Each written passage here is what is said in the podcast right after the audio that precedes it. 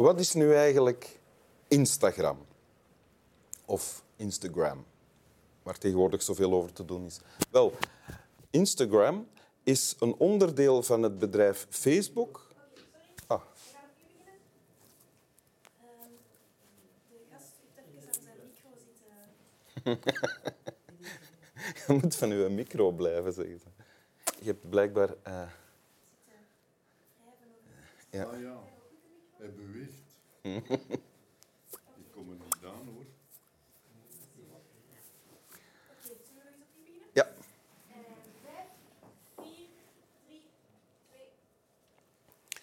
Wat is nu eigenlijk Instagram? Of Instagram, waarover tegenwoordig zoveel te doen is. Wel, Instagram is onderdeel van het bedrijf Facebook. En Instagram is een website en een gratis applicatie of app, waarmee je digitale foto's en video's kan uitwisselen. Hoe gebeurt nu dat uitwisselen eigenlijk? Hoe gaat dat in zijn werk? Wel, dat uitwisselen dat gebeurt op zogenaamde sociaal, werk, sociaal netwerksites of sites.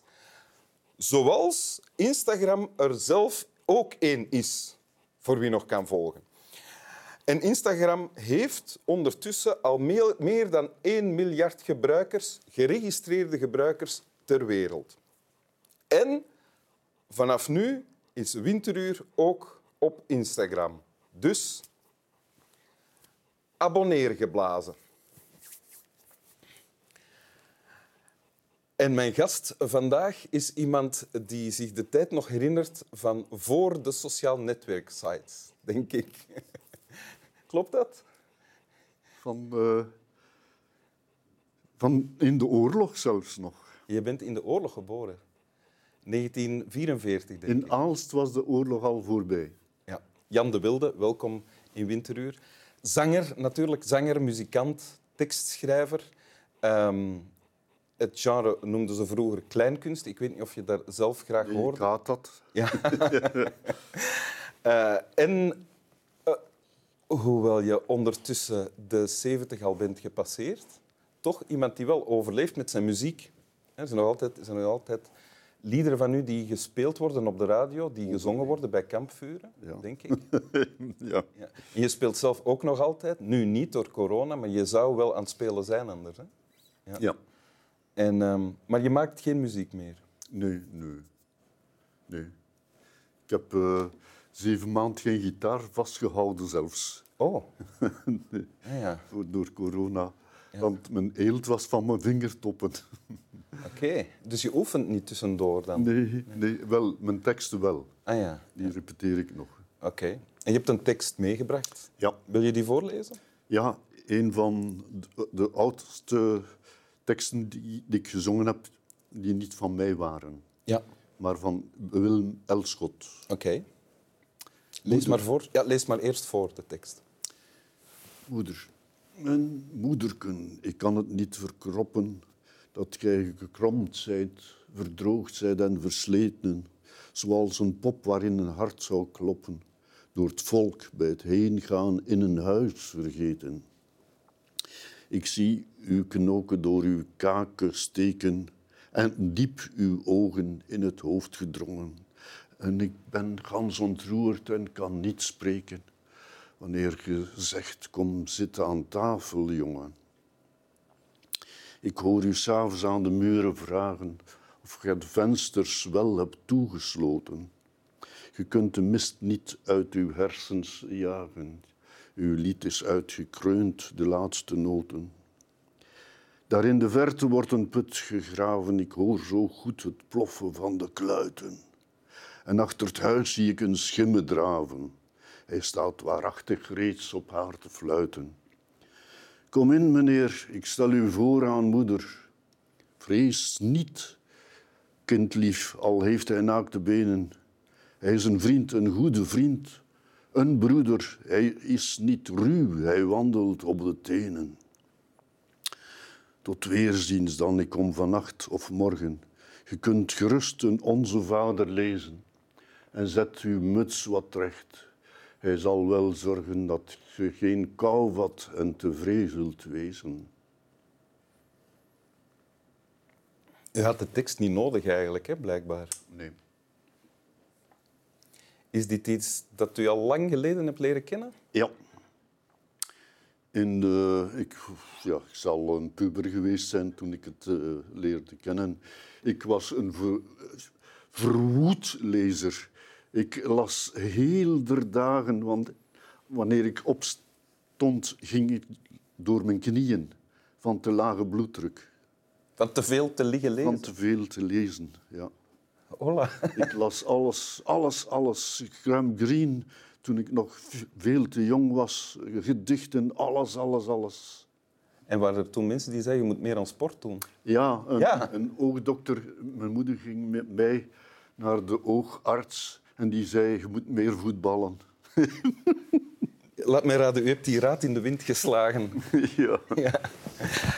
Laat ons naar de tekst zelf gaan. Ehm, in de eerste strofe is een kind, ik stel mij voor een zoon aan het woord, die ongerust is over zijn moeder. ja, die, die zal sterven. Ja. Ik heb mijn moeder ook zien aftakelen, zes maanden. We hebben haar verpleegd, mijn twee zussen, hun mannen en ik, om de beurt. En ik was alleen met mijn moeder toen ze gestorven is. En dat is het eenzaamste moment van, van mijn leven geweest. Later ben ik getrouwd en mijn hele lieve schoonmoeder we zagen elkaar doodgraag, hebben we ook zien sterven. Ook een zeer, zeer pijnlijk moment. Ja. Want in de tekst die u hebt meegebracht, ehm, is de moeder aan het woord in de laatste twee strofen. In het, la- het voorlaatste couplet, ja. Ja. En zij... Kom in, meneer, ik stel u... eh, vrees niet, kind lief, hij, al heeft hij naakte benen. De moeder stelt het kind gerust. Rust, ja. Was dat ook zo bij u? Ja, ja, ja. Want eh, toen ik eens op een nacht haar moest verzorgen, heeft ze me beklaagd dat ik moest opstaan voor haar. Oh ja. Dat is heel, heel, heel, heel... Het was een hele groot een persoonlijkheid, mijn moeder. Een, een karakter. En eh, ja, haar te zien weggaan, dat was zeer pijnlijk. En is, zijn er dan nog dingen gezegd in die, die dagen voorafgaand aan haar dood? Nee. Nee, ze is eh, bewusteloos gestorven. Ja. En hebt u, want de zoon in dit gedicht, hè, die vertelt eerst dat hij ongerust is en ongelukkig over de toestand van zijn moeder. En dan is er de dreiging van die dood. En dan, in het gedicht, zoals ik het ervaar, is er rust. Hè, de rust van de moeder die de zoon geruststelt. Ja. En dan... En hem nog zegt van, zet uw muts op. Ik denk dat dat de moeder is. De, de zoon zet, zegt tegen zijn moeder... Ah, dat is de zoon die daar aan het woord Ja, ja. Het laatste... Uw muts wat recht. De dood... Hij, zal wel zorgen dat je geen kou vat en tevreden zult wezen. Ja. Dus dat is een heel vredig einde van dat gedicht. Ja, ja, Ja. ja. Je zit hier met je gitaar, dat is niet voor niks. Nee. Want je hebt dit, zei je daarnet al, op muziek gezet. Ja. Lang geleden. ja, heel lang geleden. In begin jaren zes- 60, denk ik, ja. Ah, Toen de twee moeders nog leefden. Ja, ja, ja, tuurlijk. Dus eh, het idee, ik ga daar ooit afscheid van moeten nemen, dat hier in dat gedicht zo mooi wordt Ja, dat, vormgegeven, was al wel aanwezig. Ja maar dat, daar dacht ik niet aan. Ah, nee. Nee. Nee, nee, ik dacht niet aan de dood van mijn moeder. Eh, we zagen elkaar heel graag. En later zag ik mijn schoonmoeder ook heel, heel graag. Ja. Wil je het nog eens brengen? Ja.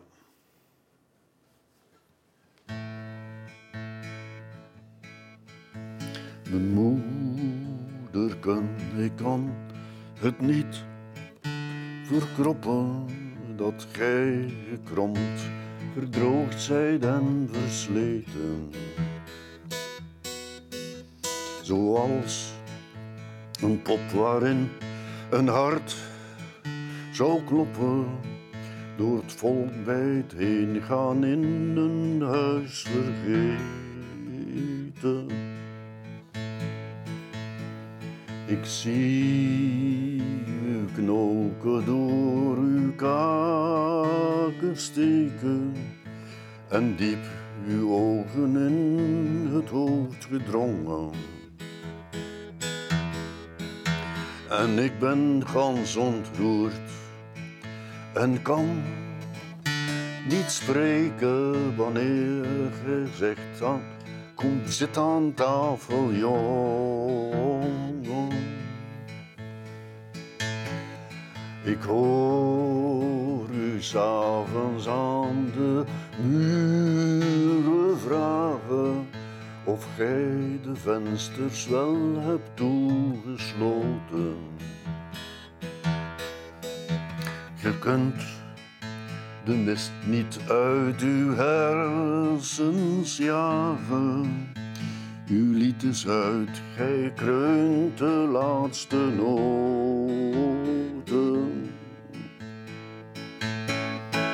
Daarin de verte wordt een put gegraven. Ik hoor zo goed het ploffen van de kluiten. En achter het zie ik een schimme draven. Hij staat waarachtig reeds op haar te fluiten.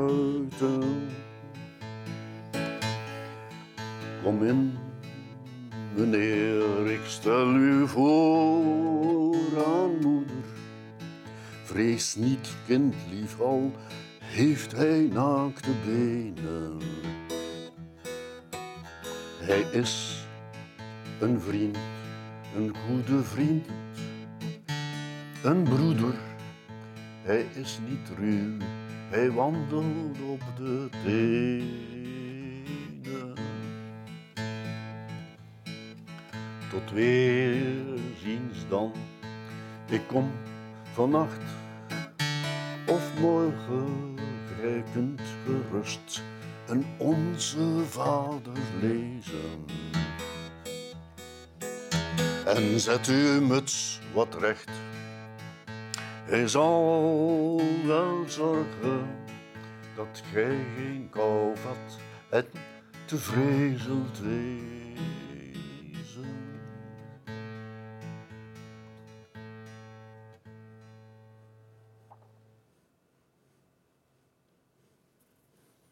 Dank u wel. Slap wel.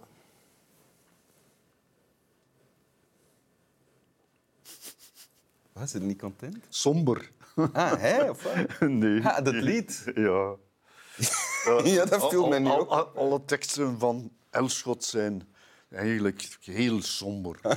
ja. Oeh. Zeker als je ze zingt, merk je dat. Hè? Ja, maar de, de boeken ook. Hè. Oeh. Oeh. Griezelig. Akelig. Villa de Roos. Kijk eens.